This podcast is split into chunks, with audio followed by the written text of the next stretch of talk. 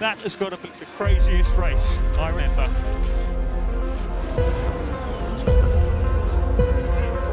It's lights out and away we go. Yes, it's pole position. It's in their news. Come on! Yes! Toto? Yes. It's called a motor race, okay? Still we rise, guys. Still we rise. We just won the Hungarian Grand Prix. Well done, mate. He won! Max Verstappen, you are the world champion. The world champion. שלום חברים, ברוכים הבאים בפעם ה-19 לבית של כל אוהדי הפורמולה 1 בישראל והספורט המוטורי. אהלן אוריאל, היי, העיקר לא אמרת שזה הגריד. אז אם למי שלא יודע, אתם על הגריד, למקרה ששכחנו. אתם על הגריד. טוב, מה, מה הפעם? מה הפעם? יו, מה, מה בישלנו לנו הפעם? היום אנחנו הולכים לדבר על המרוץ של באקו באזרבייג'אן. אה, מרוץ הרחובות הידוע לשמצה כמונקו של ה... עד שכמובן אה, נחטף על ידי סעודיה, אבל אה, בגדול מרוץ הרחובות המהיר ביותר עם הישורת המטורפת של השתי קילומטר. אה, ואוריאל, מה בכותרות שלנו להיום? טוב, אז נתחיל בכותרות. אה, מה יהיה לנו היום? אימונים של חיל האוויר הספרדי בבאקו. הורגשו, הורגשו בבאקו. הורגשו, כן. פרארי, הסוס עזב, מה, מה עולה בגורל האליפות ככה? מה הקשר בין הטמבוריה הקרובה לביתכם ליוקי צונודה? אני מניח שחלקכם מבין כבר. אה, נדבר קצת על הסוגיה של, אתה יודע, מהירות אל מול בטיחות או בריאות של הנהגים, ואיך אפשר שלא לסיים עם הטוב והרע והמכוער, הפינה הכי חשובה בפודקאסט הזה. חייבים לסיים הטוב הרע והמכוער, והיה לנו הרבה על מה לדבר אה, במרוץ הזה. אה, אז ניגש נראה לי ישר לעניינים. כן, אז יאללה, תוצאות הפודיום בלבד זה ורסטאפן, מסיים ראשון, פרז אחריו וראסל. דירוג הנהגים נפתח לנו פער מאוד רציני, ורסטאפן במקום הראשון, פרז עלה למקום השני במקום לקלר, ולא סתם בפער של 21 נקודות מוורסטאפן, שזה יחסית פער קטן, זה פחות ממרוץ. נכון, לא, לא, זה, זה, אתה יודע, אה, לא כמו שאומרים מתמטית זה אפשרי, זה אפשרי, הוא כבר, הוא מה שנקרא, הוא, הכניס את עצמו לתמונה אחרי מונקו ובקו, הוא כבר בתמונה לקרב האליפות, גם אם תרצו וגם אם לא תרצו. שוב, רדבול כנראה שיעדיפו נהג מסוים, אבל הוא בתמונה. ולקלר בפער של 34 נקודות, אני מקבל פלשבקים, אני לא יודע מה איתך. תשמע, כן, התהפכו היוצרות, אתה יודע, אנחנו צריכים להזכיר שרק באוסטרליה לקלר היה בפער יפה, שהוא יכל גם ל-DNF אחד או שניים, ו... טוב, לא שניים, אבל הוא יכל לזה DNF אחד ועדיין להישאר בהובלה, והוא... פחות או יותר מה, מאימולה? מאיפה הרצף הזה מתחיל? אימולה, פחות או יותר כן, הרצף הניצחונות של רדבול, שהפך את היוצרות גם בנהגים, ויותר חשוב מזה, לפחות לקבוצות, גם ביצרנים. רדבול עכשיו מובילה בפער אה, די גדול מפרארי של 80 נקודות. מרצדס טיפה מאחור, במקום השלישי, אתה יודע, דיברנו על זה פעם שעבר, כל הניקוד שהיא צבר בהתחלה, מייצב אותה לא רע במקום השלישי ביצרנים. כל הניקוד, ראסל כל הניקוד. כן, טוב, זה, אנחנו נדבר על אה, Mr. Consistency אחר כך. אה, יאללה, נרוץ לאימונים, אז אה, דבר ראשון, נראה לי, אנחנו מדברים על מרוץ רחובות, אבל באקו זה לא מרוץ רגיל, וה setup כאן מאוד מיוחד למרוץ רחובות. אה, בעצם יש לנו סקטור מאוד מהיר, שהוא הישורת של השני קילומטר, ויש לנו סקטורים מאוד איטיים מצד שני, שבעצם צריכים מכונית מאוד דינמית לשני הכיוונים, כי יש לנו גם סקטור מאוד איטי, מצד שני יש לנו סקטור סופר מהיר, הכי מהיר ב- ב- בכל המרוצים. וזה עוד לפני שהזכרת את מה שהולך באמצע, בטירה. כאילו, בטירה, באזור של העיר העתיקה, סקטור 2. תשמע, כן, זה תמיד אומרים, אה, אוהבים להשוות את זה כזה, משהו כזה בין מונזה לבקו, אה. בין מונזה למונקו, איזה, כמו איזה משהו היברידי כזה ביניהם, כי היה לי פניות איטיות, פניות מהירות של מונקו, ואיזה ישורת ארוכה שעדיף כאילו, שבוא נגיד עדיפה שם מהירות סופית בישורת, או עדיף כמה שפחות התנגדות טבעי האוויר על פני הצמדה, אז כן, סך הכל דרישות יחסית ממנו מנוגדות. עכשיו, אני חושב שראינו את זה די, די בבירור, כאילו, עם חלק מהקבוצות ש... במהלך הסופה של זה, אתה לא חושב? אה, כן, אז, אז כמובן, לפי הציפיות, רדבול עשו עבודה מדהימה בישורות. אה, את האמת, פרארי הפתיעו אותי מאוד. פרארי, חשבתי שהם יפלו יחסית מ- מרדבול, אבל הם החזיקו קצב מצוין. כמובן, אני מדבר על הסימולציות אה, דירוג ש- שהיו בעצם אה, ב-Q1 ו-Q3, שאני ראיתי. אמ, ונקרא לזה המפתיעים ביותר היו אלפין, אוקיי? באמת היה תצוגת ראווה של אלפין, מהירות ישורת מטורפת. אה, משהו בסביבות ה-352. במרוץ היה, אני חושב, אני היה קרוב והוא סגר, אלונסו קרב ב-350, לא יודע לגבי הדירוג, אני לא זוכר בדיוק, אבל... שמע, גם פרארי, אמרת, ואמרת בצדק, הם סגרו את הפער באופן יחסי לרדבול. רדבול עדיין המובילה מהבחינה הזאת, כן. אבל גם במקרה של פרארי וגם במקרה של אלפין, שניהם הביאו כנף אחורית דקיקה ככל הניתן, שיחסית יעילה, שמייצרת פחות התנגדות אוויר, וזה מה שנקרא, אתה מוותר על ביצועים בפניות לטובת הביצועים בישורת. עכשיו, פרארי סוף סוף הביאו את הכנף הזאת שהייתה אמורה להגיע כבר במיאמי, אז הם בסוף השתמשו בה, וגם הם וגם אלפין, כאילו, אלפין גם ככה מכונית שהיא יחסית, נקרא לזה, יעילה אווירודינמית, ראינו גם במיאמי איך היא טסה שמה. אז תוסיף לזה ישורת של שני קילומטרים וכנף כזו דקה, ואתה קיבלת, כמו שאמרת, מטוס סילון. טוב, בואו ניגש לדירוג בעצם. תשמע, סך הכל הדירוג, אני חושב שהיו כמה אירועים אה, מרכזיים די מעניינים. כאילו, לא, לא הייתי קורא לזה הדירוג הכי טוב של השנה, אבל אני חושב שבשבילי האירוע הכי מצחיק, או יותר נכון מביש, היה העניין של התאונה של סטרול. כאילו, סטרול נכנס בקיר, ובמקום אה, להיכנס ל... כנראה היה לו שם איזשהו נזק אה, מסוים, אוקיי? אני חושב שאפילו היה לו flat spot, כאילו, לאחד הצמיגים שלו, זאת אומרת, כמו פאה ישרה כזו, אם אנחנו מדברים את הצמיג כ... גוף עגול זה איזושהי פאה ישרה כזו שבעצם אה, ניזוקה בעצם, חלק מהפני של הצמיג. ובעצם סטרול ממשיך, במקום לעצור ל pit ולהחליף מהר אה, ולצאת להקפה מהירה פעם נוספת, הוא מנסה בכל זאת ונכנס בקיר וגורם לנזק אה, אה, ולדגל אדום, שמלחיץ את כל, ה, כל החבר'ה שטרם קבעו את הניסיון השני שלהם, ביניהם ולטרי בוטאס והוויליאמסים וכל מיני כאלה. יצא איזשהו תור כזה ביציאה מה pit lane, שכל מיני אנשים דחפו כדי לנסות לקבוע הקפה מהירה. זה היה מרגיש טיפה אפילו מרוץ. לגמרי, גם, אתה יודע, גם כל המהנדסים כזה אמרו לחבר'ה, אתה יודע, חבר'ה, מרפקים החוצה כזה, אתה יודע, תתחילו לדחוף ולהתקדם. אבל לא יודע, בשבילי, אני חושב שאחת הדמויות המרכזיות בדירוג זה היה אה, בוטאס, או, או אולי אלפה רומאו בכללי. כי אלפה רומאו, אני חושב שהם עושים עבודה טובה העונה, ובשני מרוצים האחרונים, זאת אומרת מונקו ובאקו, משהו שם, משהו שם לא עובד, אבל אצל, אה, אצל בוטאס זה כאילו היה יותר כזה בעייתי, כי אתה ראית שהוא לא צריך לקבוע הקפה מהירה, ולעומתו, ז'ו הצליח, קבע הקפה אה, לא רע בכלל. כן. כאילו, שבאותו זמן אה, מצווה אותו בעשירייה הראשונה, אמנם בהמשך זה כבר לא, זה כבר לא ככה, כי המסלול ממשיך, אתה יודע, להתקדם, וככל שהמקצה מתקדם, יש יותר אחיזה וכן הלאה. אבל אני אומר, באופן כללי, בוטס שם, משהו לא עבד לו הסופש. משהו לא עבד לו משום בחינה, והוא מגיע בקושי ל-Q2. וזה נהג שאנחנו דיברנו עליו כמצטיין של המידפילד, שמגיע ל-Q3, צובר ניקוד גבוה, מקומות בחמישייה הראשונה, שישייה הראשונה, אז כאילו, משהו שם לא עובד להם. Uh, תשמע, מעבר לזה, אני חושב שאם יש שתי נקודות אחרונות ש... שהיה שווה להתייחס אליהן, לפחות בנושא של ה midfield, זה מקלרן ואלפה טאורי. מקלרן לא הצליחו להפיל ל-Q3, אני באופן כללי, אני חושב שלא היה להם setup נכון בבקו. כן, לחלוטין. ראו את זה מההתחלה, שמקלרן לא עדיפים, הם גם דיברו על זה כבר במונקו. תשמע, הם ש... היו בתחתית של הטבלאות, של המהירות הכוונה, כן. בישורת. זה אולי וויליאמס, אפילו וויליאמס אני חושב יותר מהירים הם, או שניים רק לוויליאמס, זאת אומרת, בתחתית של התחתית, אז הם כנראה היה להם טיפה יותר מדי downforce במכונית, או יותר מדי drag, יותר מדי התנגדות אוויר, או יותר מדי הצמדה אווירודינמית לצורך העניין. למרות שעוד מעט נדבר, היה להם יחסית מרוץ בסדר. נכון, כאילו, אבל אני אומר... אפילו טוב. בוא נגיד, אני מניח שהם היו מעדיפים להיות בסטטוס של אלפין, נגיד ככה. לחלוטין. תשמע, אלפה טאורי אה, מגיע עם שני רכבים ל-Q3, שזה באמת משהו שהרבה זמן לא ראינו אותם, גם... בוא נגיד, מתחילת העונה, לפחות בצד של פייר גאסלי, כל הימי שישי, האימון, המקצה האימונים החופשיים, כל פעם יש לו תקלה אחרת, וכל מיני דברים כאלה, ואתה רואה שהם לא, לא נערכים כמו שצריך, ומגיעים לדירוג כזה ככה ככה, ואתה יודע, בזמן שקבוצות אחרות הצליחו להשתפר בדירוג, הם כאילו איכשהו טיפה מאבדים.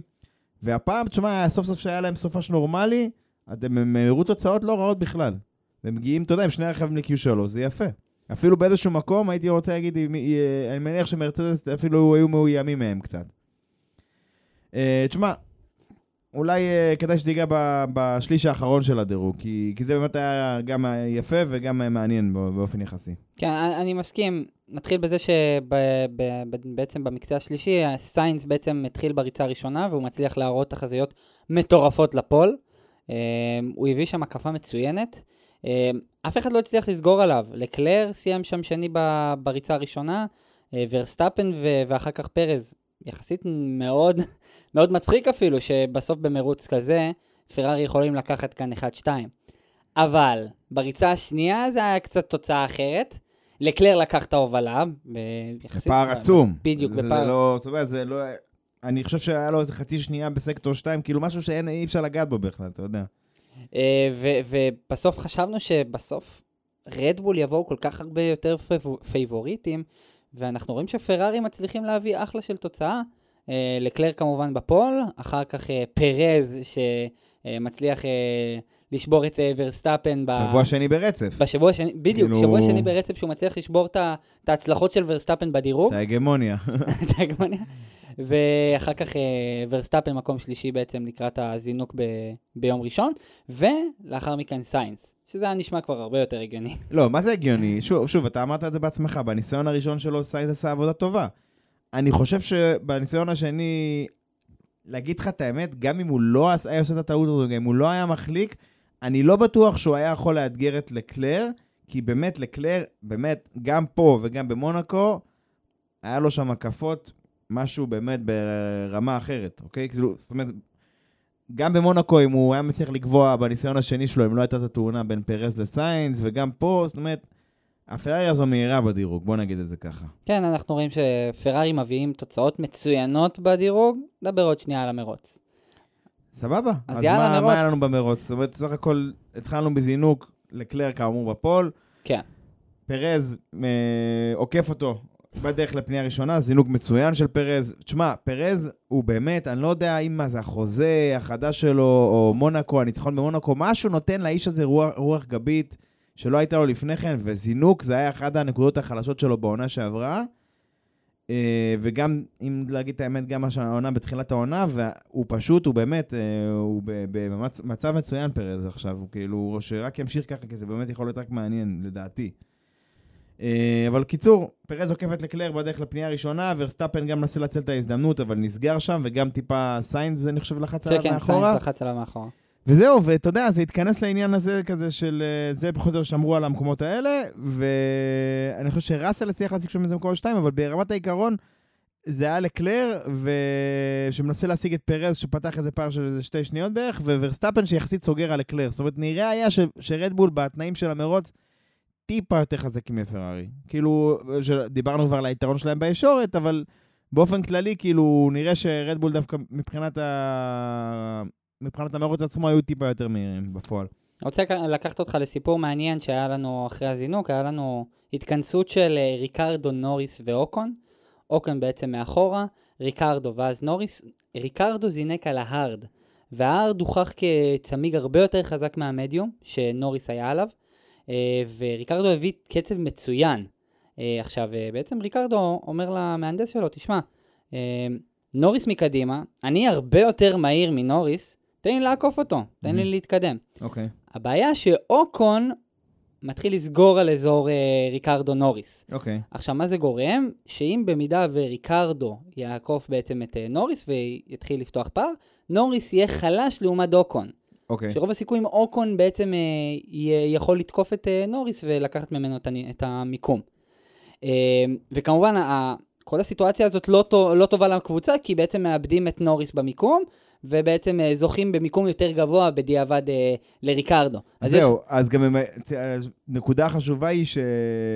התבלבלתי קצת, כן, אבל נקודה חשובה היא זה גם שריקרדו ונוריס בעצם היותם על תרכובות שונות הם באסטרטגיה אחרת גם. נכון. אומרת, אז, אז כאילו, על פניו ריקרדו לא אמור לה, לעקוף את נוריס, אבל אמרת יפה שזה העניין הקבוצתי, אמרו, אתה יודע, תשאר. תשאר אה, מה שנקרא אחרי אה, נוריס ותמשכו ביחד כדי שאוקון יהיה לכם. עכשיו, זו נקודה חשובה שאנחנו נחזור אליה גם בהמשך. נכון. אפשר להגיד שריקרדו, מה שנקרא, עשה פה טובה לנוריס.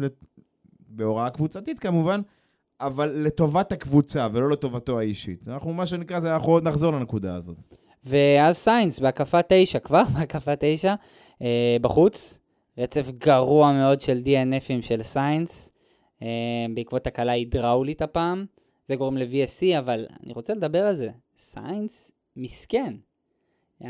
תשמע, כל תחילת העונה, פשוט כל פעם הוא לא מצליח לצבור איזושהי הצלחה, או שהוא לא מצליח לעשות הצלחה, או שהוא יוצא טיפש ועושה טעויות אה, שהן ממש, אה, ממש לא טובות לו.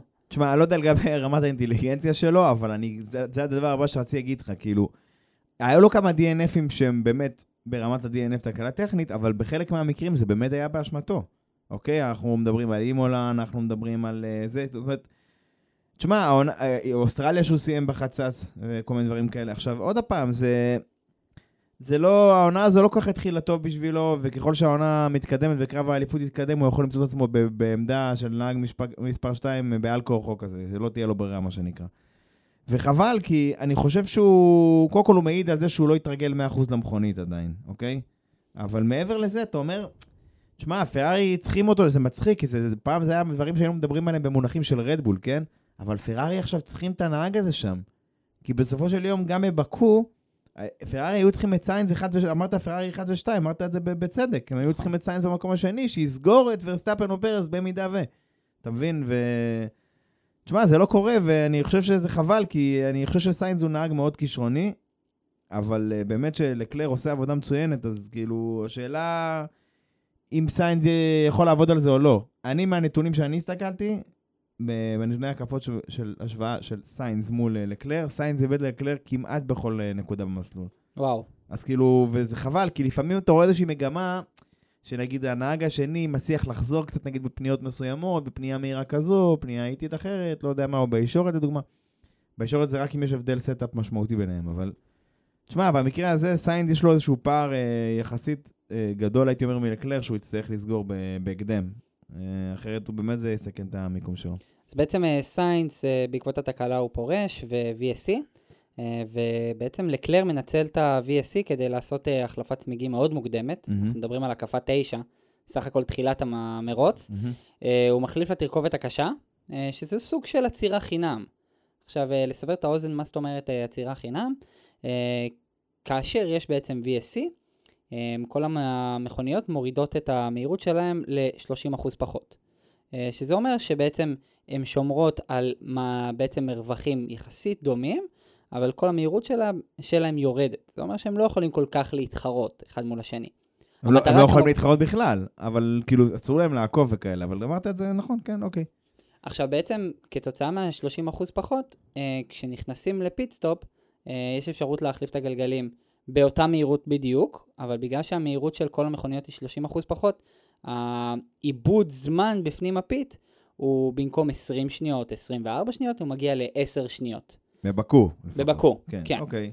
אה, וכתוצאה מכך בעצם לקלר מנצל את זה בשביל לעשות את העצירה חינם במרכאות. תשמע, זה, עוד פעם, מה זה מנצל? זה ישתלם לו. תמיד ב, במכוניות בטיחות, לא משנה, אמיתית או וירטואלית, כמו במקרה שלנו, השאלה היא איפה אתה נמצא במסלול בזמן שהודיעו על, ה, על, ה, על האירוע הזה. אם אתה נמצא רגע לפני הכניסה לפיד, בשנייה שמודיעים על זה, הרווח שלך הוא מקסימלי. אם אתה נמצא קצת אחרי, נגיד אם אתה יצא, בדיוק עברת את הפריד והספקת לעבור עוד איזה הקפה וחצי, אתה כבר כאילו, הרווח מן הסתם הוא הרבה פחות, כי בינתיים היריבים שלך גם עברו. אז השאלה, במקרה הזה, פרארי כן מגיבים איתו בזמן. וכאילו גם מתוך ניסיון, אתה יודע, לגרום לרדבול לעשות איזשהו משהו, וגם לנצל את ה-VSC, כמו שאמרת. דיברת על רדבול, רדבול לא נכנסו ב-VSC הזה להחלפת אה, צמיגים. אני חושב שפרס גם מצטער על זה אחר כך, בדיעבד, כן? בדיעבד כן, אני, אני חושב שכן. אמ, אחרי בעצם ה-VSC, היה לנו בעצם איזשהו קרב מעניין בין פטל לאוקון. קפה אחר כך. אה, פטל כמעט במד... הוא נכנס איתו לפנייה בפנייה מספר 2, כמעט בוודאות יכול לקחת את כל הפנייה בעצם לטובתו. לא, לא, הוא לקח, הוא, כבר עבר אותו לגמרי. אני ראיתי את התמונה, הוא כבר היה הרבה מעבר למקביל אליו, פשוט אה, נעל את הגלגלים. נעל את הגלגלים ב... בהפתעה מאוד גדולה, אני לא הבנתי למה.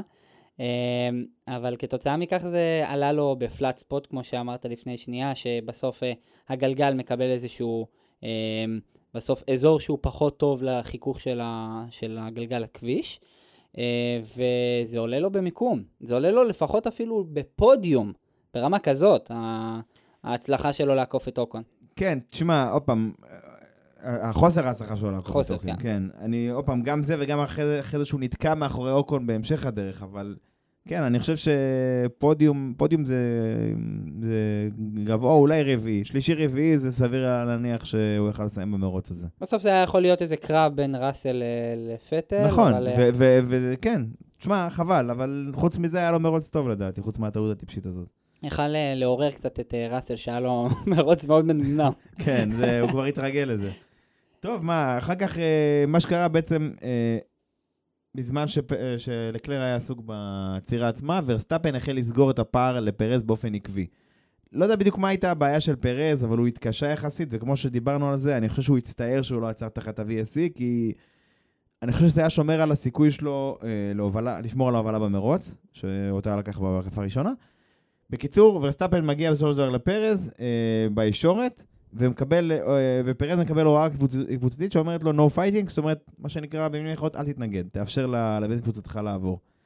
פרז אה, נאלץ לעשות את זה מחוסר רצון, אבל הוא מכיר בזה שהפעם הוא לא היה, מה נקרא, equal footing, כאילו הוא לא היה, הוא לא היה שווה בשווה לוורסטאפן, הפעם ורסטאפן עשה עבודה טיפ-טיפה יותר טובה.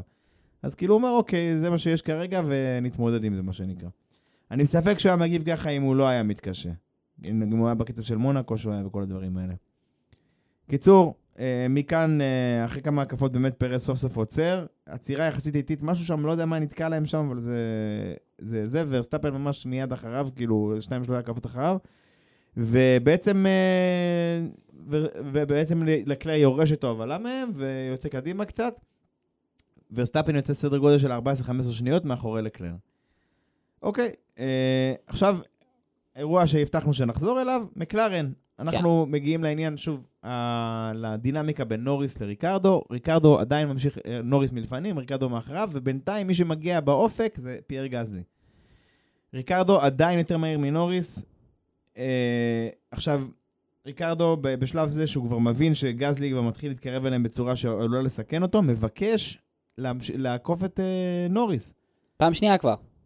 כן, אבל, אה, אבל במקרה הזה, כאילו, הם אמרו לו שעדיף להם אה, שלא, כי הם, מה שהם רצו לעשות, הם רצו לעשות overcut לאלונסו שעצר קודם, באמצעות נוריס. כן. עכשיו, מה זה overcut? נגיד שאלונסו, אה, אלונסו עצר לפני, שנוריס יקבע מספיק, החלפות מספיק מהירות, כדי שהוא, שהוא יעצור, אז הוא יצא לפני אה, אלונסו. אז בעצם, בעניין הזה מקלרן מקריבה את אה, ריקרדו לטובת אה, נוריס, עוצרת עם נוריס, ובסוף, אה, בגלל שהוא פגיע מ... ריקרדו פגיע, נותר פגיע, אז ג- פייר גזלי עוקף אותו. אה, שזה פעם שנייה בעצם במהלך המרוץ הזה, עד כה, שבעצם ריקרדו מוותר לטובת האסטרטגיה הקבוצתית. אני, כן, אני, אני חושב, אני רוצה להחשיב את זה כפעם אחת, נגיד כטובה אחת. לא יודע, מבחינה חשבונית, לא חשוב. מה שנקרא, ריקרדו זורם עם הקבוצה, גם אם הוא לא היה הכי רוצה את זה, אבל הוא, אין בעיה, זה לטובת הקבוצה, אני עם זה. טוב, אולי האירוע, אני חושב שבשבילי הרג את המרוץ, זה ה- לקלר, פורש באופן מפתיע. מאוד אה, מפתיע. תקלת מנוע, שכנראה הלך, לפי, למיטב הבנתי, המנוע הזה הלך כנראה. אה, לא בטוח שאפשר להציל אותו.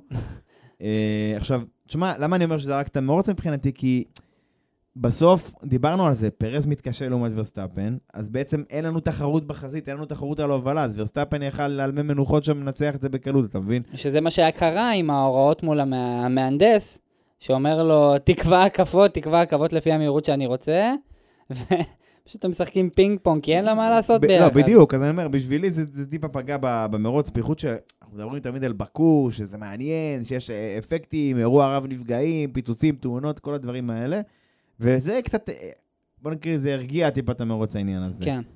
תשמע, אה, אבל זה, זה אירוע גדול. זה אירוע גדול, כי אתה יודע, אנחנו... לא עובר יותר מדי אה, זמן, ואנחנו כבר רואים את גואניו ז'ו שנאלץ לפרוש. הפעם אה, גם במיאמי היה לו תקלות, וכל פעם, פעם שהוא בדרך למשהו טוב, דרך אגב, גם פה היה לו קצב מצוין, והוא היה בדרך לטופ 10, הוא היה בסדר גמור.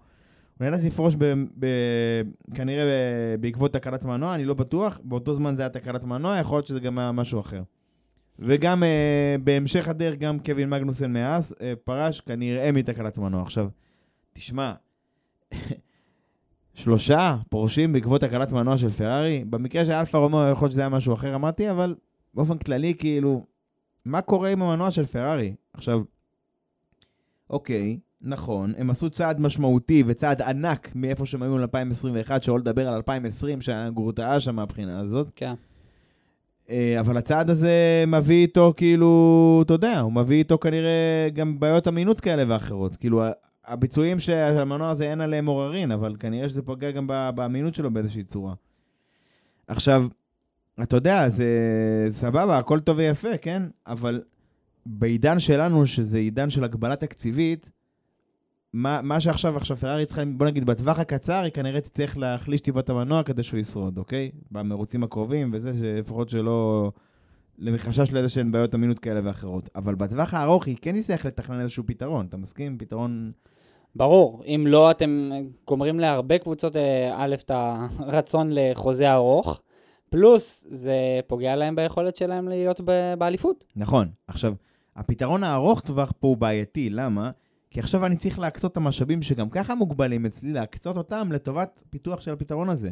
וזה במקום, אה, לא יודע מה, במקום איזה פתרון או פיתוח אווירודינמי כזה או אחר, או במקום איזה פיתוח לשלדה, או, ל, או לנסות לפתור את הבעיה של הקופצנות, או להפחית אותה. תבין, כאילו, בעידן הזה זה עשוי להתברר כקריטי בהמשך הדרך, אז נראה איך זה ישפיע על העונה של פרארי בהמשך. טוב, דיברנו על מגנוסן שהוא פרש, זה בעצם מביא להוצאה הווירטואלית של ה-VSC הש... השנייה בעצם, המכונית וירטו... בטיחות הווירטואלית השנייה במרוץ. ריקרדו אה, סוף סוף עוצר, אחרי שכבר דיברנו על זה שהוא כן. כבר נעקף. אה, בעצם ריקרדו בעניין הזה מרוויח מהנקודה הזאת. דיברנו על הרווח מהעצירה תחת אה, VSC אם אתה במקום הנכון בזמן הנכון, עם התזמון אה, מתאים. כן. וריקרדו מר- מרוויח כי הוא נשאר בחוץ זמן מה, ובעצם יוצא, וכאילו בעצם, אפשר להגיד, זוכה לשמור על המקומות שהוא הרוויח במידה מסוימת. אני רוצה לקחת אותך כאן ל- לתחילת המרוץ. ריקרדו זינק 12, הגיע כבר למקום הרביעי אה, במהלך המרוץ, ולקראת ה- ה- בעצם ה-VSC הזאת, הוא מגיע באזור השישי, אחרי שעקפו אותו, אה, נראה לי ראסל והמילטון. אה, ותחשוב איזה הישג זה להגיע בעצם מ-12, להגיע למקום השישי, ובסוף הוא מסיים את המרוץ מקום שמיני. כן. שזה אחלה של אסטרטגיה מבחינת מקלרן, זהו, אז אני אומר... למרות ה- כל הדברים שעשו לו בתחילת המרוץ. נכון, עוד פעם, ה-VSC השני אמרנו, הוא הרוויח מזה, זה עבד טוב. עכשיו, השאלה עכשיו, אם, אם בעצם אה, מקלרן היו נותנים לו לעקוף את אה, נוריס, לאיפה הוא יכול להגיע? הוא יכל אפילו להגיע שאלה ל... זו מצוינת. אני חושב שהוא יכול להגיע הרבה יותר רחוק. הרבה יותר רחוק, כי אנחנו מדברים על זה שהוא בעצם היה מקום 12, זינק 12, הגיע למקום הרביעי במהלך המרוץ, לא, אבל הרביעי זה לא בגלל כאילו שהוא עקף את כל האנשים האלה, זה בגלל שאנשים עצרו. בגלל האסטרטגיה שלו. סבבה. אז הוא יכל לקחת כמעט את ההובלה במידה מסוימת אה, עם המשיכה, ולנסות ל- ל- לגנוב אפילו איזה מקום שלישי-רביעי. אתה אתה יודע מה, אני לא יודע, אני חושב שכן, שמשהו בין שלישי לחמישי, יותר נטייה למקום חמישי כזה. אם הוא היה, בעצם עוקף את נוריס בתחילת המרוץ. כן, אבל ממש בהתחלה. בשלב הראשון, כאילו, בדיוק, לתת לו לצאת קדימה. שזה מטורף. כן, טוב, בסדר, תשמע, אה, מכאן כאילו אני... אתה יודע, היה איזה אירוע די מצחיק, האמת, שהכנף האחורית של יוקי צונודה פשוט, אה, אפשר להגיד, נחצתה לשתיים, ובשלב שה-DRS פעל רק חצי מהכנף אה, נפתחה. אני, אני בחיים לא ראיתי כזה דבר, כאילו... לא, זו תקלה מעניינת, כי, תשמע, בסוף זה... באזור הזה הפרופיל של הכנף הוא פרופיל ישר, זה לא שיש איזשהו שפיץ שם משהו, איזה נקודה של, חו... של, של אה, נקודת אה, ריכוז מאמצים כזו או אחרת, או משהו כזה, אז כאילו...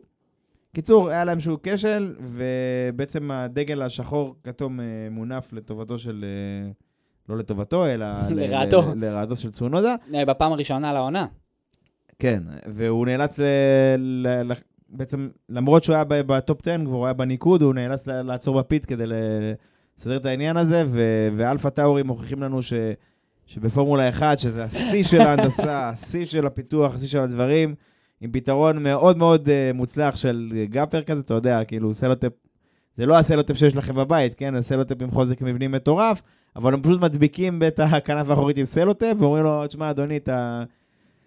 DRS, ותר על ה DRS הזה שארית המרוץ, כן. אה, שזה מצחיק, ודיברנו על אה, אלפין, שהם אה, בסוף אה, לקחו כנף האחורית, שבעצם השטח שלה הוא מאוד מאוד דק, כן. אה, בשביל אה, לקבל את המהירות ב- בישורת. אז הנה גם אלפה טאורי, עם אותה טעות, אבל קנדה עולה להם ביוקר. טוב, יפטרו את האיש חוזק, אין מה לעשות. טוב, מה, מעבר לזה גם, אה, אולי נקודה מעניינת כמה שאפשר, אולי הנקודה הכי מעניינת לגבי ורסטאפן במרוץ הזה, שגם לא אמרו אחר כך, אחרי זה, שלא להשתמש ב-DRS, כנראה מאיזשהו חשש לתקלה כזו או אחרת. אני לא חושב שזה קשור לאלפה טאורי, אני חושב שזה קשור למה שראינו בזמנו בברצלונה. שה-DRS לא נפתח, היה להם בעיה עם המנגנון שם, אם אתה זוכר. כן. טוב, מה, מעבר לזה, תשמע, היה איזה אירוע שאתה, שאתה אמרת לי לפני ההקלטה הזאת, אני מודה שאני לא שמתי לב אליו, אבל אתה חייב להזכיר אותו. טוב, אה, אירוע ממש ממש מצחיק. לטיפי ידוע בתור אה, סמן אחורי מאוד מאוד אה, מוכר לכל הנהגים. כולם מכירים את לטיפי בתור אה, סמן אחורי, כי אין מה לעשות, הוא פשוט, אה, וויליאמס בכלל לא עומדים בקצב, אבל אה, לטיפי עלה על, על כל הציפיות הפעם, והוא לא, לא ציית ל-12 דגלים כחולים במרוץ הזה. וואה, 12 קנה דר- דגלים כחולים, כתוצאה מכך בעצם השופטים נותנים לו 5 שניות עונש. לא משנה שהוא גם קיבל 10 שניות אה, pit, אה, pit, Stop and go. stop and go כן. בתחילת המרוץ. כן, כי הוא לא עמד במשבצת של הזינוק. היו צריכים אה, לדחוף אותו, המכונאי היה צריך לדחוף כן, אותו. היה צריך לדחוף אותו, שבזמן שאסור שמכונאי אה, ידחוף אה, אה, מכונית. לא, אה, שהוא- אסור שהוא יישאר על שהוא ה grid. יישאר על ה grid, כן, כן. סליחה. אה, וזה עוד פעם, זה פשוט מראה שגם אם אתה סמן אחורי, אתה גם מפריע למהלך המרוץ, וגם אה, אתה, אתה לא תורם לכל, ה- לכל הסיטואציה שזה...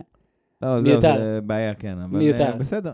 תשמע, בוא, אני חושב שהעניין הזה של מקלרן, דיברנו על הקטע של הטובה הזו שריקרדו עשה לטובת הקבוצה לנוריס. עכשיו היה איזשהו סוג של אה, חילוף תפקידים כזה, זאת אומרת, הגענו למצב שאלונסו היה מלפנים עם המכונית שלו שהייתה פשוט טיל בישורת. עם כאילו- ה-F16, כן, ממש. ממש F16, ומיד אחריו ריקרדו, ומיד אחריו נוריס. עכשיו, בעניין הזה, ריקרדו, שהוא החליף ל-VSC, הוא החליף לצמיגי מדיום. שוב, התחיל על הארד למדיום, ואני חושב שנוריס החליף להארד, שכבר כבר הודענו, סליחה, כבר אמרנו שזה היה הצמיג כנראה הכי אופטימלי למרוץ הזה. אז יצא מצב שנוריס קבע הקפות אה, יותר מהירות מריקרדו, והוא לוחץ על ריקרדו בערך 2-3 שניות מאחורה, והוא כבר מבקש לעקוף. כאילו, אתה יודע, כבר מבקש כאילו ש... אתה יודע, תגידו לדניאל שיזוז, אני, אני אנסה לעקוף את אלונסו. כן. עכשיו, אמרו לו, תשמע, כאילו, כאילו, אתה יודע, הוא, הוא עשה לנו טובה בסטינט הראשון, כאילו, תשאר, מ- תשאר מאחורה, כאילו, אתה יודע, תן לדניאל הזדמנות לנסות לעקוף את אלונסו, ללחוץ את אלונסו, ואם הוא לא יצליח, נתחלף, אבל קודם כל ננסה. אבל תשמע, נוריס כאילו בחר שכזה, הוא כזה, אתה יודע, הסכים בחוסר רצון כזה, ואפילו לקראת הסוף אתה ראית שבשניים שלוש הקפות האחרונות הוא ניסה אפילו לעשות את זה בחצי מהנכון כזה על ריקרדו, ללחוץ עליו כמה שאפשר. תשמע, בעניין הזה, אני לא כל כך אהבתי את העניין הזה מצדו של נוריס, לדעתי זה צעד לא בוגר, ו... וזה צעד שהוא כאילו לא ספורטיבי. עכשיו, ברור, הנהגים האלה תמיד רוצים לסיים כמה שיותר גבוה, ועוד מיקום, ועוד נקודה, ועוד זה, ואף אחד לא רוצה לסיים, אתה יודע, שני, וכל מיני דברים כאלה. יש להם אגו ואף אחד לא רוצה לוותר, אין שאלה. אבל תשמע, יש פה החלטה קבוצתית. הבן קבוצה שלך שהוא היה מהיר ממך בשלב הראשון של המרוץ, כאילו, הוא, הוא מה שנקרא היה מוכן לוותר אה, על הקצב שלו, ואפשר לך כדי שאתה לא, לא תעקף על ידי אסטבן אוקול במקרה הזה. אבל שזה היה הפוך, ש... כאילו, שעכשיו הגענו לחלק השני, שאתה צריך להחזיר את הטובה, אז אתה לא יכול לבקש כאילו לעבור אותו, גם אם זה... זה... כן. לדעתי זה לא היה הוגן מצידו של נוריס. מהצד שלי, יותר מזה, אה, צריך להזכיר שנוריס היה באסטרטגיה אסטרטגיה הפוכה. נכון, היה לו הארד, אבל אה, בסוף ריקרדו נתן לו את כל מה שצריך כדי להגן עליו למול האסטרטגיה שהייתה לו. וכשאנחנו מגיעים לרגע האמת, שריקרדו צריך את הטובה של נוריס, אז אה, זה פתאום ההפך. כי לי יש יותר אופטימלי, יש לי יותר הצלחה. רוב הסיכויים הוא לא היה עוקף את אולונסו, אולי היה קצת לוחץ עליו, אבל... הוא לא, חושב- לא, לא, אלונסו, אלונסו סגר שם איזה 350 קמ"ש בישורת, הוא פשוט עף שם בישורת. כאילו, המכון- האלפין הייתה כאילו סבבה בשאר חלקי המסלול, לא, בפניות האיטיות היא דווקא יותר טובה, במהירות היא איבדה קצת לעומת היתר, אבל בישורת היא פשוט עפה. הם פשוט היו סופר מהירים בסופה של זה, וכאילו אין, אלונסו היה בלתי, אתה יודע, גם עם DRS לא תגיע אליו, כן? אלא אם כן המכונית שלך מהירה בהרבה, כאילו פרארי או רדבול וזה, אבל... תשמע, אה, מכונית כזו, ודיברנו על זה שמקלרן הייתה בתחתית הטבלה של המהירות, אז לא יודע אם הם היו עוקפים אותו באמת. שאלה פה, בתור, אה, ניקח בעצם איזו סיטואציה שאתה מנהל בעצם הטכני של אה, מקלרן. אה, מה היית עושה במקומו? היית נותן להם אה, להילחם? היית בעצם עושה איזה סדר בין השניים, אומר להם אה, כל אחד במקום שלו, אתם אה, קיבלתם כל אחד עם האסטרטגיה ההפוכה, כמו שרדבול סוג של עושים מול פרז, עם המשחקי האסטרטגיות, זה האסטרטגיה שלך, אל תיגע מול ורסטאפן. הבעיה, מה- הבע- מה אתה חושב? ההבדל בין רדבול למקלרן הוא פשוט, כי רדבול ברגע שהם מחליטים להקריב אותך, הם עושים את זה עד הסוף. כאילו ברגע שפרז לא שקול לוורסטאפן, אז ראינו בברצלונה יופי, איך זרקו אותו, מ, אתה יודע, לא אפשרו לו להתחרות באופן הוגן בוורסטאפן, גם שהייתה לו האפשרות, גם שהייתה לו את היכולת. אתה זוכר? כן. כאילו הקריבו אותו עד הסוף. נכון. ופה ייאמר לזכותה של מקלרן שהיא הייתה אה, יחסית הוגנת. כאילו, אני, אני בקטע הזה, אני לא חושב שהייתי משנה את ההחלטה, אני חושב שאם עשית טובה בשלב הראשון של המרוץ, אתה צריך להחזיר בשלב השני. אלא אם כן, אתה חושב שיש פה סיכוי, בוא נגיד את זה ככה, אם האלפין לא הייתה כל כך מהירה בישורת, ואתה רואה שיש, לא יודע, נגיד נוריס היה, לדוגמה, שנייה או שבע עשיריות יותר מהיר משניהם, מאלונסו ומריקרדו, אז אתה יכול להח, להחליף אה, מקומית. להחליף בין ריקרדו ונוריס, לתת לנוריס 2-3 הקפות לנסות לעקוף את אה, אלונסו, היה והוא הצליח, סבבה, לא, תחזיר חזרה את המיקום. לדעתי זה הכי הוגן. הבעיה שהם ניסו לעשות את זה, אם אתה זוכר, אה, בהוראת אה, נהגים שנתנו לנוריס, הבעיה שלא היה מספיק הקפות לקראת הסוף כדי לעשות באמת את המהלך. סבבה, אני אומר, אבל נכון, כי היה זה 2-3 הקפות, לא יותר כן. מזה, אבל עדיין, כאילו, באופן כללי, אתה יודע, אני חושב שכן צריך לכבד הסכמים, אבל אם יש עניין תחרותי, כמו שאמרנו, שיש סיכוי אמיתי, אז כן שווה לתת סיכוי הוגן לשני הנהגים. אז במידה הזאת, אתה חושב שבעצם היה עדיף לתת לריקרדו, ב- בעצם ב stint הראשון, לעקוף את נוריס ולקבוע הקפה? הקפה, הקפות יותר מהירות ואולי... אה, זו שאלה טובה, כי בסוף יכול להיות שאתה, מה שנקרא, משאיר את נוריס פגיע או משהו כזה, ומולו אוקון, עזוב שאוקון בהמשך המרוץ אחר כך יתקשה יחסית, אבל באופן כללי, אני לא יודע, כי, כי כקבוצה אתה לא רוצה לתעדף נהג מסוים, בדרך כלל, כן? יש קבוצות שעושות את זה באופן כאילו בוטה, כן. אבל אתה, בדרך כלל חשוב לך אליפות, ה... אליפות היצרנים. חשוב לך ששתי המכוניות יגיעו לניקוד על פני לא יודע מה. בוא נגיד שעדיף לך שריקרדו ונוריס יסיימו שמינית תשיעי, מאשר שנוריס היה מטפס לשביעי וריקרדו היה מסיים מחוץ לניקוד, לדוגמה, כן? כן, אני מסכים. זה. עזוב שנייה מתמטית כמה זה שווה, אבל באופן כללי תמיד עדיף לך כאילו כמה שיותר ניקוד לאורך הזה. בואו נ- בעצם נסכם את המרוץ. אה, כמובן, ורסטאפן מסיים ראשון, אחר כך פרז, וראסל, אה, שמראה עקביות מאוד גבוהה, Mr. Consistent. Mr. Consistency, כן. Consistency. עבר מ Mr. Saturday ל Consistency, אוקיי, בסדר. אמ, הוא נשאר עם התואר של ה mister, כן. אני- אתחיל בשאלה הכי חשובה מבחינתי, אה, שאני רוצה לסכם ככה את המרוץ בה. אה, האם אחרי עוד 1-2 של רדבול, האם האליפות הזאת פתוחה, או האם רוב הסיכויים רדבול אה, עם או מקס או פרז על מאבק אליפות כזה או אחר, ונגמר הסיפור לכל הקבוצות האחרות. תשמע, קבוצות אחרות, בוא, בוא נדבר שנייה ריאלית, לא מתמטית. ריאלית, היחידים שמתחרים כרגע ברדבול זה פרארי. אלא אם כן מרצדס תצליח להביא איזשהו פתרון שיחזיר אותה לתמונה, וגם אז, מתמטית היא כבר תהיה רחוקה מדי מלהתחרות על האליפות, היא מקסימום תתחרה על ניצחונות, כאילו, שזה בסדר, אבל לא על אליפות היצרנים כנראה, אלא אם כן יקרה איזה משהו קטסטרופלי ברדבול, כן? ריאלית זה רק אם פרארי יכולים כאילו להמשיך בכיוון טוב או שלא, זה כל העניין. והמסלול הבא שמחכה לנו בדרך זה קנדה, ומבחינת כאילו העדפה זה מסלול שהוא עד- הוא עדיין אה, לטובתה של רדבול, אתה מבין? כן. אז כאילו, רדבול נמצאת ביופי של עמדה להמשיך את הרצף הזה גם בקנדה. עכשיו, שאלה, אה, מה, מה פרארי תעשה? דיברנו על זה שיש להם את החשש של הבעיות אמינות. השאלה, אולי יכול להיות שהם טיפה ינמיכו את ה... אתה יודע, יעבדו עם המנוע טיפה יותר חלש, שיחזיק טיפה יותר אה, מעמד או משהו כזה. אני חושב שנכון יהיה לחכות לקנדה. וגם אם בקנדה יהיה 1-2 של רדבול, זה לא, אתה יודע, זה לא הורס את האליפות, כי בסוף המכונית של פרארי היא מכונית מצוינת, והיא מכונית סופר מהירה. גם כן. במרוץ ובטח ובדירוג, אתה מבין? אז כאילו, לא חושב שזה נכון להספיד אותם. מה גם שיש עוד כאילו כמה עדכונים שצריכים להגיע במהלך השנה. כנראה העדכון הגדול הבא של כל הקבוצות זה בסילברסטון, למיטב ידיעתי. אה, נשמע הגיוני גם. אז אה, לא, זה גם המרוץ הבא אחרי קנדה, אז כן. שבועיים שלושה אחרי קנדה, אז כאילו... בוא נגיד, בוא נגיד לא, לא הייתי ממהר להספיד את זה. גם בהקשר של... אה, טוב, דיברת על ראסל, אני חושב שהעניין של... היה עוד איזושהי נקודה שלא דיברנו עליה במהלך המרוץ, זה העניין הזה של הקופצנות הזו שחזרה למרצדס במלוא העוצמה.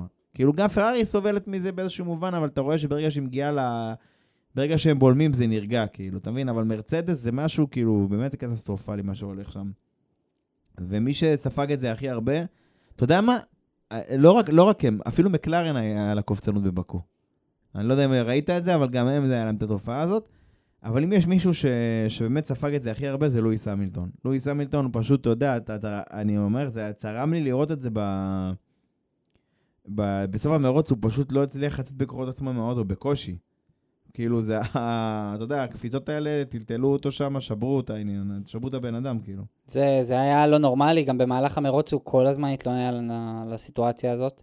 אה, וגם עכשיו אה, טוטו וולף מנסה לארגן איזשהו משהו שאני לא חושב שהוא מוצדק, אנחנו עוד שנייה נדבר עליו, אה, כנגד הפורפוסינג וכמה זה לא, לא תקין לתת לרכבים כאלו להגיע למהירות קצה. ולפגוע בנהגים? לא, זה, זה לא העניין של המהירויות, כי למהירויות האלה הגענו בשנים הקודמות וגם יותר מהן, אם להגיד את האמת. זה העניין של ה... לא של ה... עצם התופעה, אלא של מידת האינטנסיביות שלה. עכשיו, תשמע, זה נקודה חשובה מה שהעלית, כי זה עניין של הבטיחות או הבריאות של הנהגים אל מול הביצועים של המכונית. כי ה... בוא נגיד, כלל אצבע, בסדר? לא עכשיו אה, זה, ככלל אצבע, המכוניות האלה הן בנויות, הן מתוכננות, ככל שאתה, שאתה תנמיך אותן ביחס למסלול, כל הזמן שאתה מאפשר תנועה של אוויר, הן אמורות, כפונקציה של, ה, נקרא לזה, הגובה של המסלול, ההצמדה שלהן אמורה לגבור, בייחוד ב, ב, בשימוש באפקט הקרקעי הזה, אוקיי? כן. עכשיו, הבעיה זה שאנחנו מתחילים לראות תופעה הזו של הקופצנות שהזכרנו אותה בכל, מק... בכל מיני אה, הזדמנויות העונה, שהיא לא עצם התופעה, כמו שאמרתי, אלא האינטנסיביות שלה. עכשיו, אתה אמרת, ובצדק, שטוטו אולף דיבר על זה שאולי, אתה יודע, תהיה איזושהי התערבות, משהו ש... כי חלק מהנהגים, אה, כי רוב הקבוצות למעשה סובלות בזה במידה כזו או אחרת. עכשיו, הפתרון של זה במרכאות, הפתרון של להגיד, אתה יכול להגיד, טוב, אז תגביה טיפה את המכונית ויהיה לך פחות, אה, או, ש, או שזה יקרה לך במהירות יותר, אה, יותר מאוחרת או יותר מהירה, שלא בהכרח יש במסלול, אוקיי?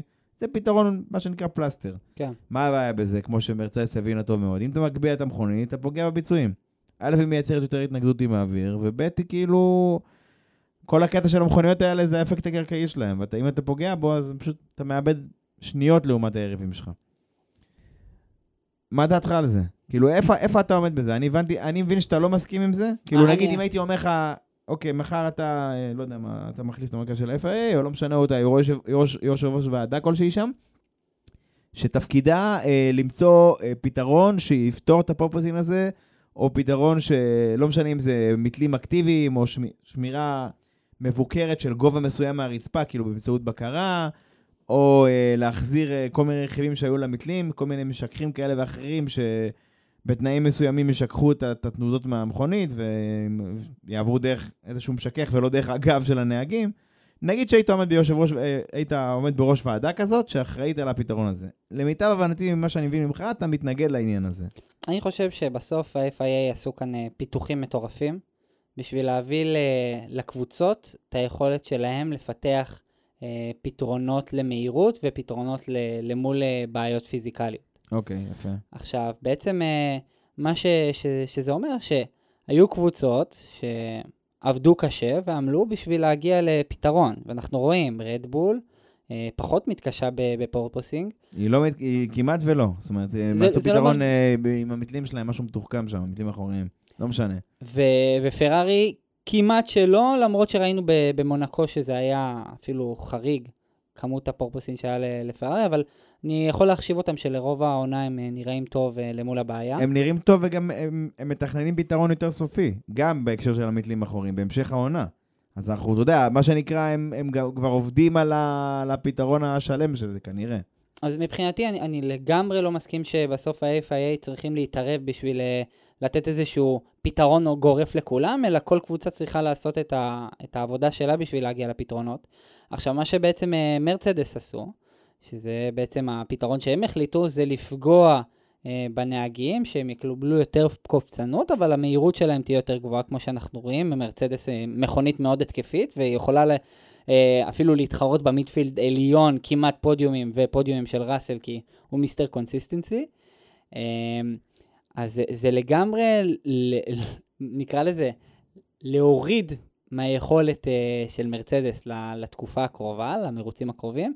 כמובן זה פוגע בהמילטון ואין מה לעשות, כי ראסל פחות אה, נפגע מזה, ראינו את זה שהוא נכנס לחדר אה, אה, לקראת העלייה לפודיום, ממש ראו שראסל לעומת המילטון בסיטואציה אחרת לגמרי, מנקה את הזיעה רק שלא תפריע לו לקבל שוב, את את הפרס. אני- גם הוא אמר, גם הוא אמר, גם ראסל אמר שהוא איבד תחושה ברגליים, אוקיי? זאת אומרת, זה כן משפיע, אבל, אבל כנראה שהלואיס השפיע קצת יותר. שוב, אני איתך בעניין הזה. כאילו, אתה אומר במילים אחרות, תקן אותי אם אני טועה. אתה אומר, תקשיב, יש לנו פה, לא יודע מה, אה, את המהנדסים הכי טובים בעולם נגיד, או בין הטובים בעולם נגיד, הכי מוכשרים ש, שיש. יש תקציבים, יש מתקנים סופר מתקדמים ברמה של, אתה יודע, איזה חברת אירוספייס כזה, נאסא כזה. כן. תנו למוחות הטובים, אה, בין הטובים בעולם, למצוא את הפתרון, מה שנקרא. תנו לחלוטין. להם זמן וכסף, והם ימצאו פתרון, ומה שנקרא, מי שזכה ובמהלך החורף או במהלך הזה תכנן את זה בהתאם והתמודד עם הבעיה הזו, אז כאילו, מה שנקרא, הרוויח, ומי שלא, זה חלק מהמשחק, זה מה שאתה אומר. כן, לחלוטין, כי אנחנו רואים שיש קבוצות שבאמת הגיעו לפתרון. זה לא שזה לא אפשרי לגמרי. זה אפשרי, במידה מסוימת זה אפשרי. צריך רק לעבוד קשה כדי תשמע, להגיע לזה. אין פתרון מוחלט לזה, אני גם הבנתי גם מניואי, שזה המהנדס של רדבול, שהוא אומר שצריך פשוט לחיות עם זה, עם הפופוסינג הזה. כאילו, שיש לך את זה, תמיד יהיה לך את זה במידה מסוימת, אבל אתה יכול למזער את זה, אתה יכול, וראינו שהם כאילו לא, זה פחות פוגע בהם. Uh, תשמע, אני, אני איתך בעניין הזה, כאילו, אם באמת תהיה איזושהי סכנה ברורה ומיידית לבריאות uh, לאורך טווח של הנהגים, קודם כל צריך לחקור ולבדוק את העניין הזה, ואם כן, כן צריך לנסות למצוא איזשהו פתרון. אבל ככלל אני איתך, זה תחרות הנדסית לא פחות מתחרות ספורטיבית. כאילו, זו תחרות קבוצתית לא, מאשר, לא פחות מאשר איזה קרב רדלטורים כזה מודרני, אתה מבין? כן. אז... תשמע, אה, טוב, נראה, נראה מה, מה יהיה. בכל מקרה, בקנדה, אם כבר אנחנו מסתכלים איזה שני צעדים קדימה, מבחינת האספלט שם, זה לא אמור להיות איזה משהו יותר מדי חלק, גם בגלל שזה איזשהו פארק כזה, כאילו סוג של מסלול רחובות כזה. אז גם הרבה קפיצות. אוסטרליה כזה. הרבה קפיצות, היה סוג של פארק לאומי כזה, כן. הרבה קפיצות, הרבה מהמורות, מדשאות, צנעים, אתה יודע מה הולך שם בקנדה, אני לא יודע אם אתה זוכר בכלל, כבר היינו שם לפני 100 שנה, אבל אה, בוא נגיד מרצדס חושבים שה... שה... מה שנקרא, הרע עוד לפניהם, שקנדה גם יהיה להם אותו סיפור כמו בקו, אבל בוא נראה מה, מה יהיה. שאלה אחרונה מהצד שלי, אה, שנה שעברה היה לנו המון סיפורים צמיגים.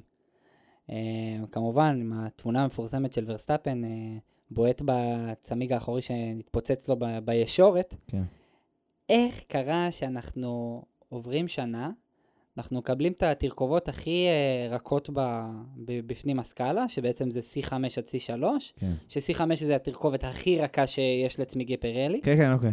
ואנחנו מגיעים למצב שהצמיגים בכלל לא מתפוצצים, ואפילו אפקטיביים מאוד למרוץ. לא, עוד פעם, כי קודם כל תכננו אותם להיות יותר יעילים, וב' צמיגים חתך נמוך הצמיגים השנה, יש להם פחות אה, דפורמציה, הם פחות מתעוותים, ולכן כאילו המאמצים האלה הם טיפה שונים. אתה צריך לדמיין, אתה זוכר את התמונות משנה שעברה, שנגיד הילוך איטי כזה של מכוניות בפנייה, אתה רואה את ה... נקרא לזה את המלבן הזה, אם מסתכלים מלפנים של הצמיג, אתה רואה אותו ממש מתעוות, זז מצד לצד, כי חלק מהעיוות הזה שלו, זה בדיוק החלק שבו הוא מנסה להשיג את, ה- את אותה פאה של אחיזה, מה שנקרא בלעז contact patch, שזה הנקודה שבה הצמיג בפועל נוגע אה, במסלול. עכשיו, השנה גם עברו לחתך נמוך, אז הצמיג יש לו בעצם פחות בשר להתעוות, וב' גם תכננו אותם יותר עמידים, כי זה חלק מהדרישות של הזה. שנה שעברה בבקו היה סיפור אחר. פירלי האשימה גם את אסטון מרטין, אני מזכיר לך, סטרול אה, התנגש בקיר, וגם ורסטאפן, וגם את רדבול, שהם שיחקו עם הלחץ אוויר. שכנראה הם עשו איזשהו משחק, כאילו, אסור להם לשחק עם הלחץ אוויר באופן עקרוני, יש להם לחצים שמוגדרים להם, אבל כנראה שהם, אתה יודע, לפני המרוץ עשו איזה קומבינה כדי שהלחץ אוויר ירד במהלך המרוץ ולא ישימו לב, וזה ייתן להם קצת יותר אחיזה. פירלי רמזה שכנראה הם שיחקו עם זה ובגלל זה, זה היה איזשהו כשל. זה היה בזמנו. אני חושב שלקראת הסוף, אני...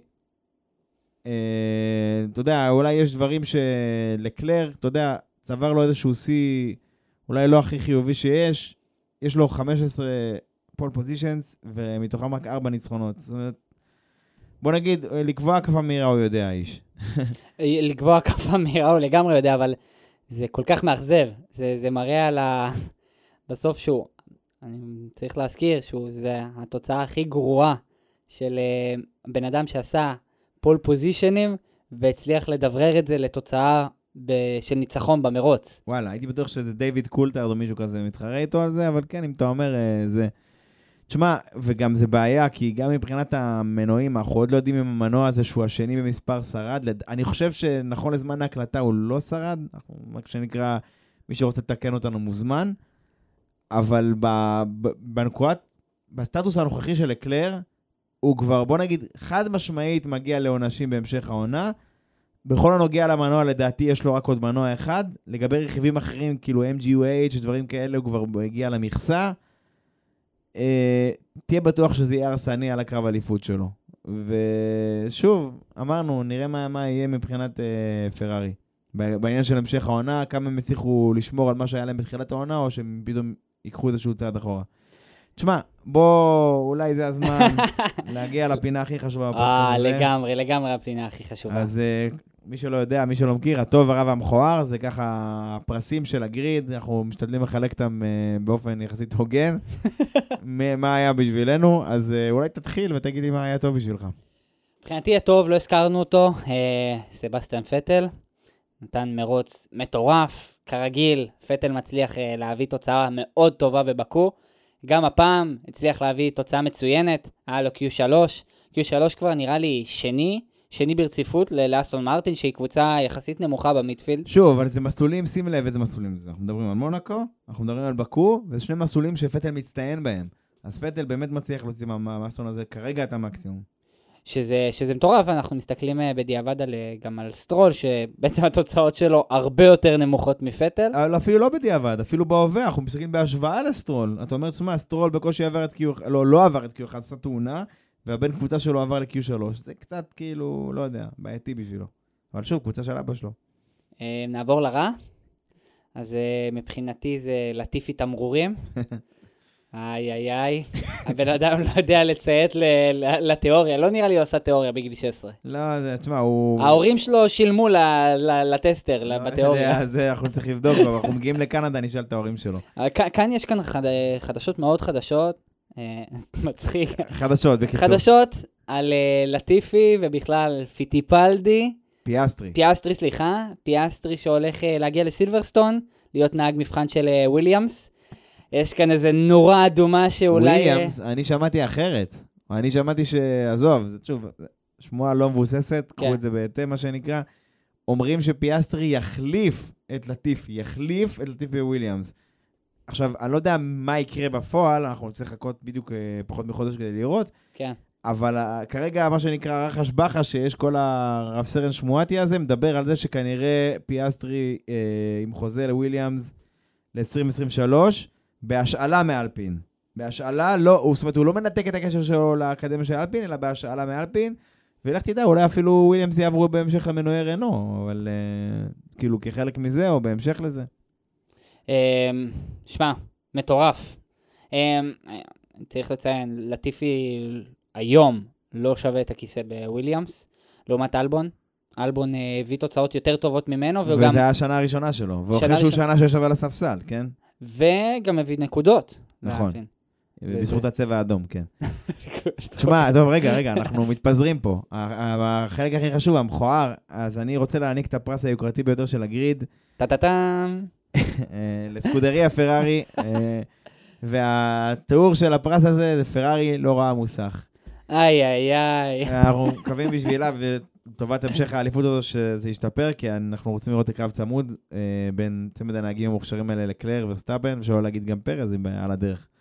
טוב, תשמע, קנדה. אה, יאללה, קנדה. קנדה מאז 2019, אה, לא הסבב לא ביקר שם. אחרי ההחלפה האיקונית של אה, פטל. זהו, לחשוב איפה היינו אז, השנה כן. הראשונה של, השנה הראשונה של לקלר בפרארי, נכון. pole position של סבסטיאן פטל, והוא מפסיד את המרוץ אה, להמילטון בצורה ש... שהייתה מעוררת מחלוקת, היה שאלה אם הוא יצא מהמסלול, אם הוא חזר בהתאם, כל הדברים האלה. קיצור, הרבה זמן לא היינו שם, כי קנדה סגרה את עצמה, סגרה את גבולותיה בפני העולם בשנתיים של הקורונה. אז אני שמח שחוזרים למסלול הזה, זה מסלול אדיר. אה, משלב הרבה דברים, גם ישורות, גם, אה, גם פניות איטיות, פניות מהירות, אבל יותר חשוב, את קיר האלופים המפורסם, שהוא נקרא ככה כי די הרבה אלופי עולם אה, פגשו אותו לדייט צמוד. אה, וזהו, ואני שמח שחוזרים לשם, וזה מסלול טוב, וזה שעה נוחה, ואולי זה המקום להגיד שאנחנו נעשה גם מפגש גדול. אנחנו נשמח לראות אתכם שם, אם אתם Mm. מאזינים לזה במקרה, אז אה, תבדקו בקבוצה שלנו ואתם מוזמנים לבוא. אנחנו ממש ממש נשמח אה, לראות אתכם, כמובן יהיו פרסים והפתעות מטורפות, אה, וגם אנחנו נהיה שם, שזה עוד יותר מגניב. בדיוק, אז תבואו להגיד שלום, ו... ותשמע, דיברנו לגבי מבחינת קנדה, לפחות חלק מהקבוצות, רדבול, שוב, מגיעה כפייבוריטית, מרצדס אה, צופה, צופה מרוץ יחסית קשה, כי דיברנו על זה שהאספלט שם אה, כן. הרבה מהמורות. ודברים כאלה. ופרארי, פרארי, עם הבעיות אמינות שיש לה ברקע ופחות משבוע או שבוע, זה לא זמן מספיק כדי לפתור אותן, אז הם יצטרכו לתת איזשהו פלסטר בינתיים. אה, וזהו, וגם מבחינת ה midfield, אני חושב שאלפין שווה לראות איך הם אה, יהיו, אני חושב שגם יהיו טובים. ו- ואלפה טאורי, אתה יודע מה, אלפה טאורי. אני רוצה לראות, מעניין אותי העקביות שלהם, כמה הם כן. ישמרו על זה. וזה עוד לפני שדיברנו על הקבוצות, שאת האמת, במרוצים האחרונים טיפה מאכזבות, שזה אלפ- האס ואלפה רומאו, מעניין אם יכולים לחזור. כן. כאילו, אה, כי אם, אם כן, תחרות על, על המקומות האחרונים ב-Q3 תהיה מטורפת. בין צמד האלפות, יעני רומאו וטאורי, כן. והאס, ו... שוב, יהיה מעניין, אבל אה, אני, לא. אני גם בכלל מצפה כאן אה, לשיא אה, צופים בקנדה, אחרי שבסוף לא היינו שם מ-2019. כן, תשמע, עוד פעם, נראה, אני מאמין גם, גם בזכות העלייה הפופולרית של הסבב, וגם... השעה נוחה, לא, שעה נוחה היא בשבילנו, לא אצלם רק זה. ש- אצלם זה שלוש בצהריים. גם באירופה יחסית שעה נוחה ביום ראשון. אני יודע, תלוי איך הם מסתכלים על זה. אצלם יום ראשון הם לא עובדים, אז זה לא כזה משנה להם, אבל כן. תשמע, אה, טוב, זה היה כל הפעם, הסיכום של פרק אה, בקו, פעם ה-19, אני חושב. מקווים שנהניתם. כן, וכרגיל, אתם יודעים, ספוטיפיי, גוגל, פה, טוסטר, יוטיוב, אה, שלל פלטפורמות כאלה ואחרות, וכמובן קבוצת הפייסבוק שלנו, פורמולה 1. אז אה, זהו, תודה רבה, עמית. תודה רבה, אוריאל. עד הפעם הבאה. יאללה ביי.